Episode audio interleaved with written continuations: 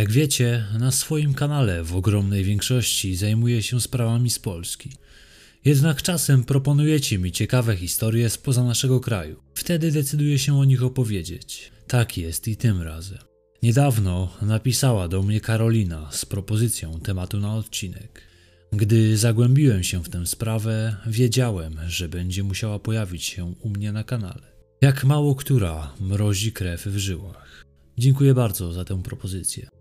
Z góry przepraszam Was za wymowę francuskich imion i nazwisk. Przyznam, że nie znam tego języka, zatem nie jest mi łatwo poradzić sobie z jego wymową. Chambon-sur-Lignon, niewielka miejscowość położona na południu Francji. Mieszka w niej niespełna 3000 mieszkańców. To tutaj będą miały miejsce wydarzenia, o których dziś opowiem. Anès Marin urodziła się 26 listopada 1997 roku. Uczyła się nieźle, nie miała problemów z nauką. Jej marzeniem było zostać w przyszłości filmowcem. Miała wielu znajomych, sama była towarzyska i uśmiechnięta. Poza tym była bardzo ładną nastolatką. Szczupła, długowłosa dziewczyna mogła podobać się rówieśnikom. Dziewczyna w 2011 roku zmieniła szkołę. Trafiła do Collège Sevenol. To szkoła koedukacyjna, w której uczą się zarówno uczniowie na poziomie gimnazjalnym, jak i na poziomie szkoły średniej. Rodzice zdecydowali się ją przenieść ze względu na złe otoczenie, w jakim się obracała w swojej poprzedniej szkole. Twierdzili oni, że dotychczasowi znajomi sprowadzali ją na złą drogę. Zaczęła palić marihuanę, co bardzo zaniepokoiło rodziców. Nowa szkoła była szkołą z internatem, oddalona od jej rodzinnego domu o wiele kilometrów. Zatem od teraz znacznie rzadziej będzie widywała swoich rodziców. Większość czasu będzie spędzać pod opieką kompetentnych opiekunów. Ta opcja wydawała się być dobra dla nastolatki, która przez towarzystwo zaczęła wchodzić na złą drogę. Przynajmniej tak myśleli jej rodzice. Kto jednak chodził do szkoły z internatem, ten wie, że opiekunowie nie są w stanie trzymać pieczy nad podopiecznymi 24 godziny na dobę. Nie ma na to odpowiednich środków i odpowiedniej liczby personelu w takich placówkach. Sam nie mieszkałem w internacie, ale uczęszczałem do szkoły z takowym i wiem, jak to tam wyglądało. Przed wyjazdem do nowej szkoły babcia dziewczyny podarowała jej pamiętnik. Miał on ułatwiać jej rozłąkę z rodziną. Miała w nim zapisywać swoje przeżycia w nowym miejscu. Przez kilka miesięcy faktycznie okazał się być przydatny. Nastolatka zapisywała w nim wrażenia dotyczące szkoły. Pisała w nim między innymi, że budynek otoczony jest ciągnącym się na wiele kilometrów lasem. Często jej udawało się do tego lasu wymknąć nocą i tam spędzać czas ze znajomymi bez opieki dorosłych. To się jej bardzo podobało. Przed wyjazdem obawiała się, że nie będzie miała przestrzeni dla siebie, a okazało się być wręcz przeciwnie. Miała mniejszy rygor niż w domu pod opieką rodziców. Chyba nie taki był ich zamysł. W środę 16 listopada 2011 roku nieoczekiwanie Anes nie pojawiła się na zajęciach w szkole, a także nie było jej na kolacji w internacie. W tym momencie zostali zawiadomieni opiekunowie. Było to dla niej bardzo nietypowe. Zawsze była na czas. Grupka znajomych postanowiła przeszukać okolice na własną rękę, mimo wyraźnego zakazu opiekunów. Nie chcieli oni dopuścić do sytuacji, gdy niezorganizowana grupa nastolatków będzie bez nadzoru przeczesywać ogromny teren lasu, który otacza całą szkołę. To mogłoby doprowadzić do chaosu i jeszcze większych problemów. Mimo wszystko, część uczniów zdecydowała się wyjść na poszukiwania wbrew zakazom. W trakcie trwania akcji poszukiwawczej uczniowie usłyszeli dobiegające z lasu głośne krzyki. Nastolatkowie próbowali pójść w kierunku, gdzie słyszeli te krzyki, ale dojście tam było niemożliwe. Najprawdopodobniej przeszkadzał im jakiś bagnisty teren bądź inne przeszkody. Do nozdrzy poszukiwaczy dotarł wówczas zapach spalenizny. Nie było widać płomieni, ale ewidentnie w okolicy musiało się coś palić. Część z nastolatków zaczęła panikować. Podczas gdy uczniowie zaczęli wycofywać się w kierunku szkoły, zauważyli wyłaniającego się z głębi lasu Mathieu, siedemnastolatka, również uczącego się w tej samej szkole. Wyszedł on z rejonów, do których ekipa poszukiwawcza jeszcze nie dotarła. Twarz miał zasłoniętą szalikiem. Był sam. Bez słowa udał się do swojego pokoju, a następnie poszedł do łazienki, by wziąć prysznic. Tam spędził godzinę. Znajomi byli zaniepokojeni tą sytuacją. Kiedy uczniowie przyszli do internatu i powiedzieli, że nie udało im się znaleźć koleżanki, ale słyszeli podejrzane dźwięki, wtedy opiekunowie postanowili zorganizować szerzej zakrojoną akcję poszukiwawczą. Zaangażowano w nią 40 uczniów ze szkoły.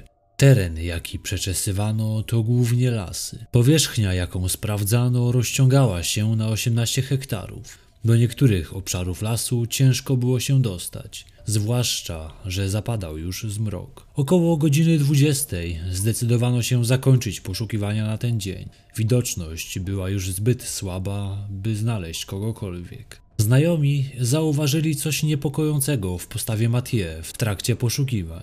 Zwrócili uwagę, że na policzku ma on zadrapania i zachowuje się jakoś nerwowo. Zapytany o to, skąd pojawiły się ślady na jego policzku, odpowiadał wykrętnie.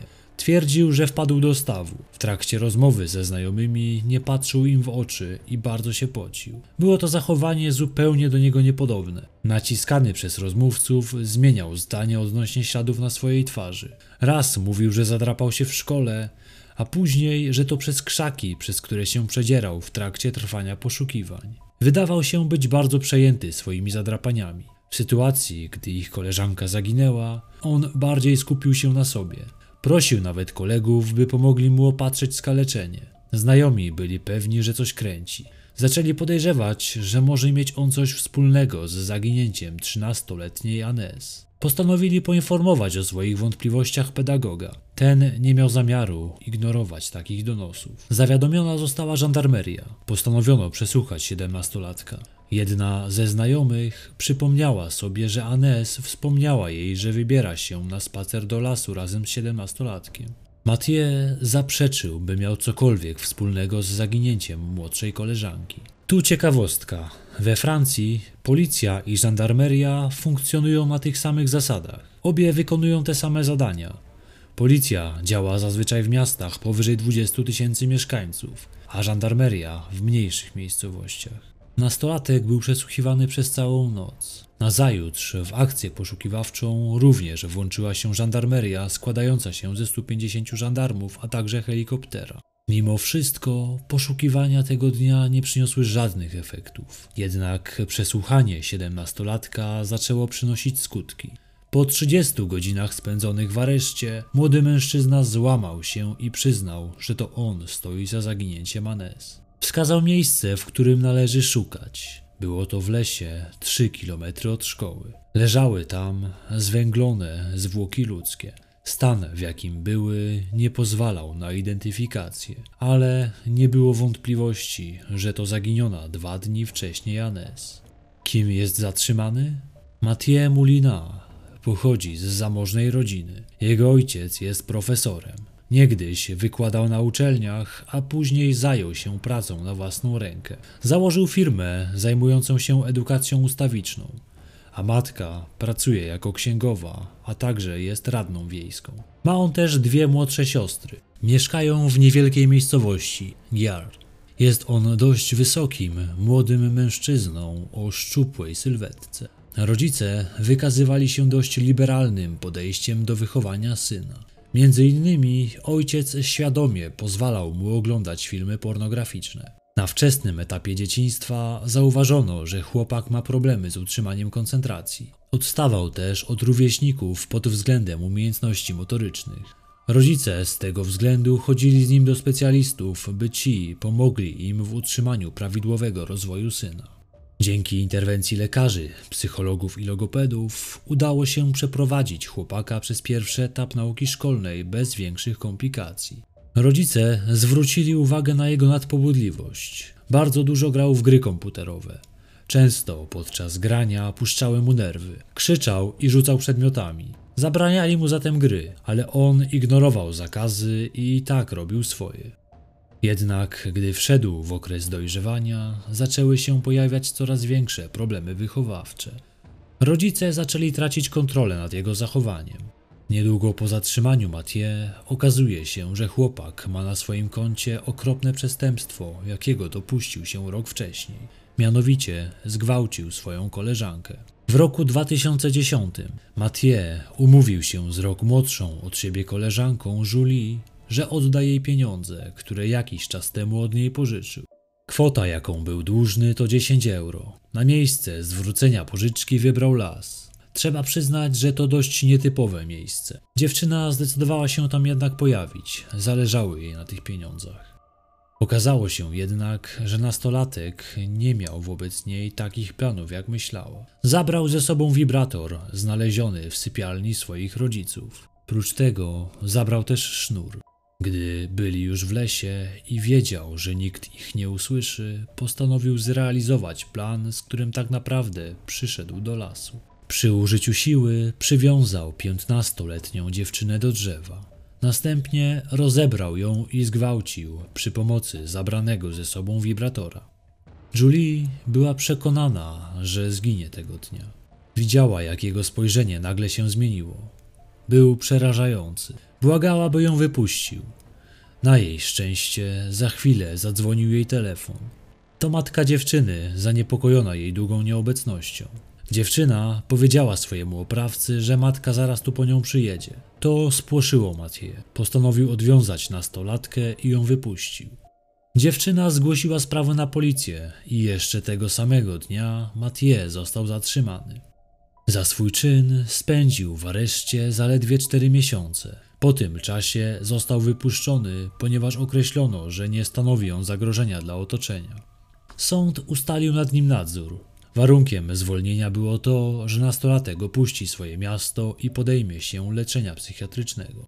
Tak jakby zmiana miasta miała cokolwiek zmienić w jego postępowaniu.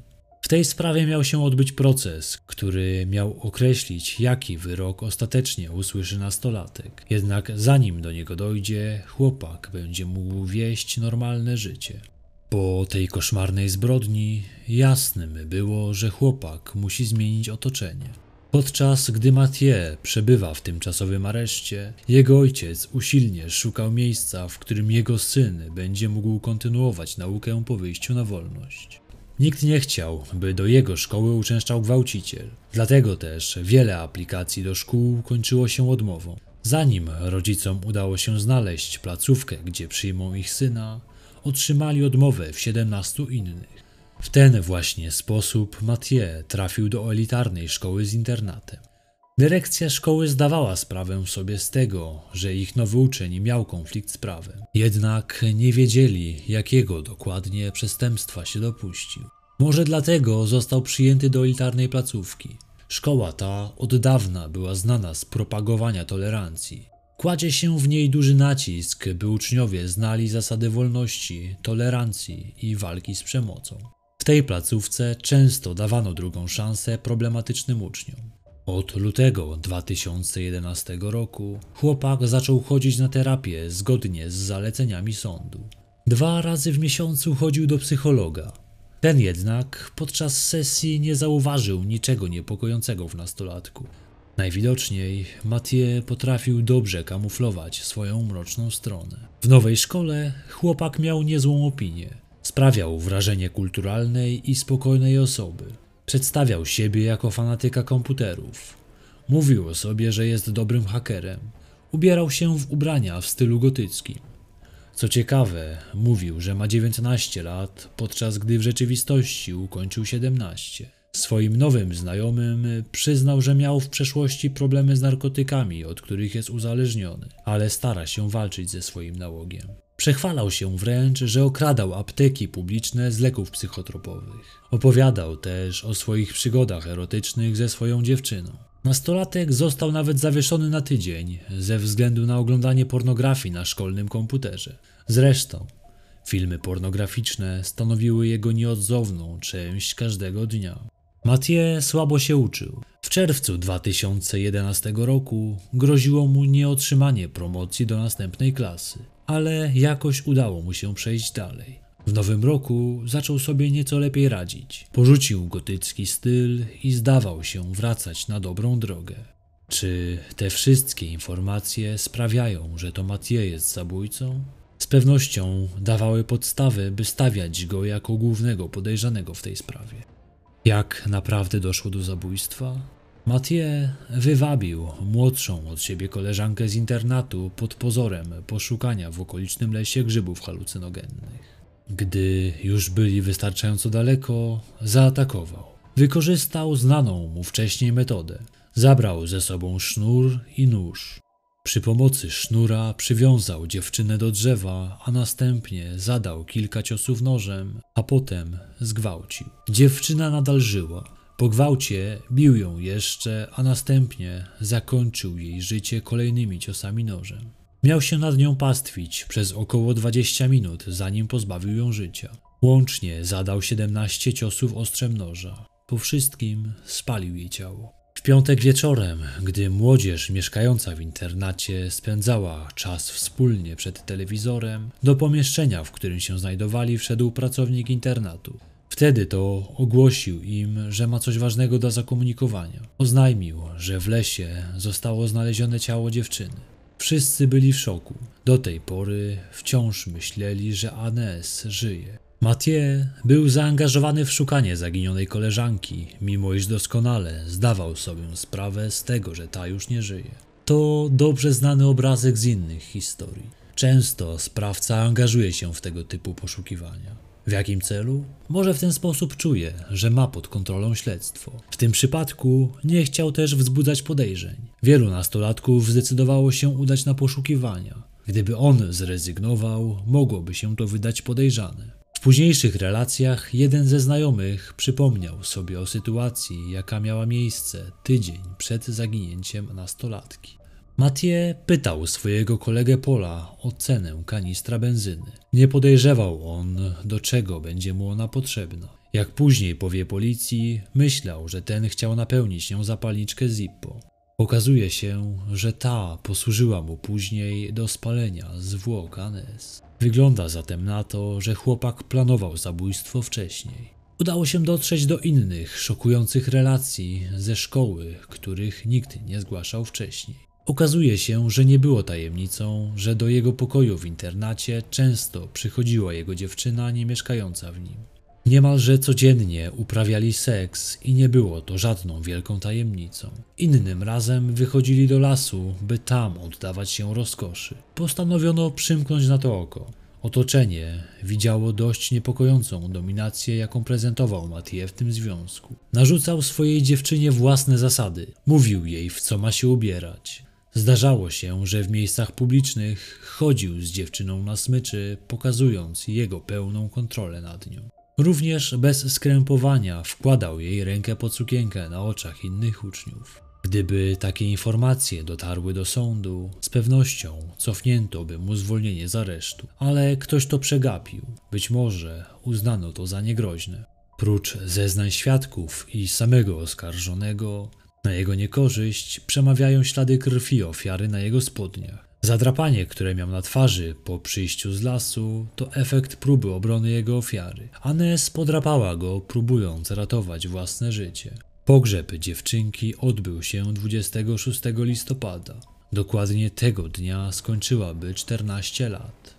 Czerwcu 2013 roku Mathieu został skazany na dożywocie. To wyższy wyrok od tego, którego domagała się prokuratura. Wnioskowała ona o 30 lat pozbawienia wolności dla ciągle jeszcze nastoletniego oskarżonego. To precedensowy wyrok. Ostatni raz karę dożywocia dla osoby nieletniej we Francji sąd wydał w 1989 roku.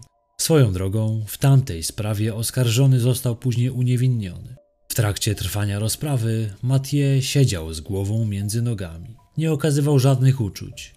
Sprawiał wrażenie nieobecnego. Nie wyraził skruchy wobec czynu, jakiego się dopuścił. Proces odbył się za zamkniętymi drzwiami. Rodzice zabójcy w 2016 roku, czyli 5 lat po tragicznych wydarzeniach, wydali książkę pod tytułem Rodzice na zawsze. Opisują w niej zbrodnie, jakich się dopuścił ich syn. Zaznaczają jednak, że on zawsze pozostanie ich synem, a oni zawsze będą jego rodzicami. Sami nie widzieli w jego zachowaniu nic, co wskazywałoby na dokonanie tak makabrycznej zbrodni w przyszłości. Uważają, że ich syn jest chory i wymaga leczenia psychiatrycznego, a siedzenie w więzieniu tylko pogarsza jego stan. Rodzice ofiary byli bardzo oburzeni publikacją tej książki, która rozdrapuje jeszcze niezagojone rany. Nazwali to kampanią show biznesu. Zarzucają, że rodzice zabójcy postanowili wybić się na tragedii, jaka spotkała ich rodzinę. Ta sprawa pokazuje, że nie tylko w naszym wymiarze sprawiedliwości dochodzi do skandalicznych pomyłek. Gdyby wcześniej ktoś nie uznał Mathieu za niegroźnego, nastolatka nigdy nie spotkałaby go na swojej drodze. I dziś byłaby 23-letnią kobietą. Niestety doszło do pomyłki, a Anes nie wróci już do żywych. Rodzina ofiary w 2014 roku złożyła pozew przeciwko państwu za rażące zaniedbania, które doprowadziły do śmierci ich córki. W 2015 roku Naczelna Rada Sądownictwa oczyściła z zarzutów sędziego, który dopuścił do wypuszczenia przyszłego zabójcy na wolność. Okrutna zbrodnia, jakiej dopuścił się Mathieu, wywołała ogromne kontrowersje we Francji. Rząd francuski zdecydował się na dokonanie zmian w prawie, by nie dopuścić do podobnych sytuacji w przyszłości. W myśl zmian nastoletni przestępcy oskarżeni o najpoważniejsze przestępstwa będą w areszcie oczekiwać na werdykt sądu. Będą w areszcie oczekiwać na werdykt sądu. Również zmieniono zasady informowania szkół o karalności kandydatów na uczniów. Od tego czasu szkoła otrzymuje pełne informacje o przestępstwach, jakich dopuścił się dany kandydat. Sam dyrektor szkoły, do której został dopuszczony zabójca, jest niekonsekwentny w swoich relacjach.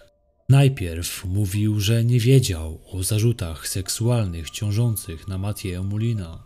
Później jednak zmienił wersję. Twierdził, że ojciec powiedział mu, ale zdecydował się przyjąć ucznia kontrolnie na krótki okres, by sprawdzić, jak się będzie zachowywał. Na samym procesie znów zmienił zdanie i zaprzeczył, by wiedział o zarzutach za przestępstwo seksualne, jakie ciążyły na 17-letnim wówczas chłopaku. Kurator, który miał kontrolować zachowanie 17-latka na wolności, po jego wyjściu z aresztu odwiedził go jedynie raz. W 2014 roku szkoła, do której uczęszczała Anes, została zamknięta. Nie przetrwała skandalu, w jakiego centrum się znalazła po śmierci dziewczynki.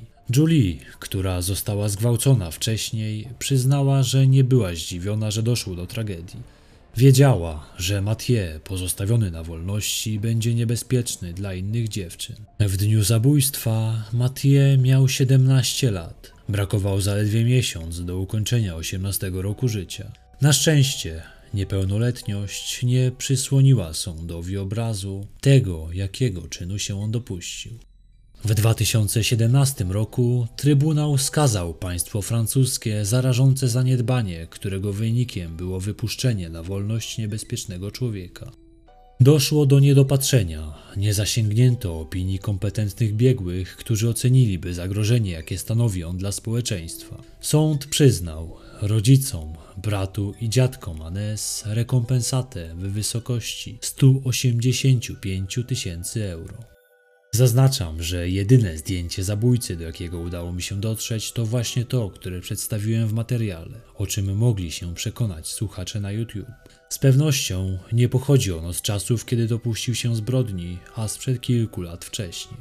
Dziękuję Wam, że byliście ze mną przy tej kolejnej, strasznej historii. Uznałem, że jest ona warta poruszenia na moim kanale. Pokazuje ona, że błędy sądowe zdarzają się nie tylko u nas w Polsce, ale i na całym świecie. Chciałem o tym wspomnieć, ponieważ często w komentarzach piszecie, że tylko w Polsce dzieją się takie rzeczy, a to niestety nieprawda. Dziękuję za dziś i do usłyszenia niebawem.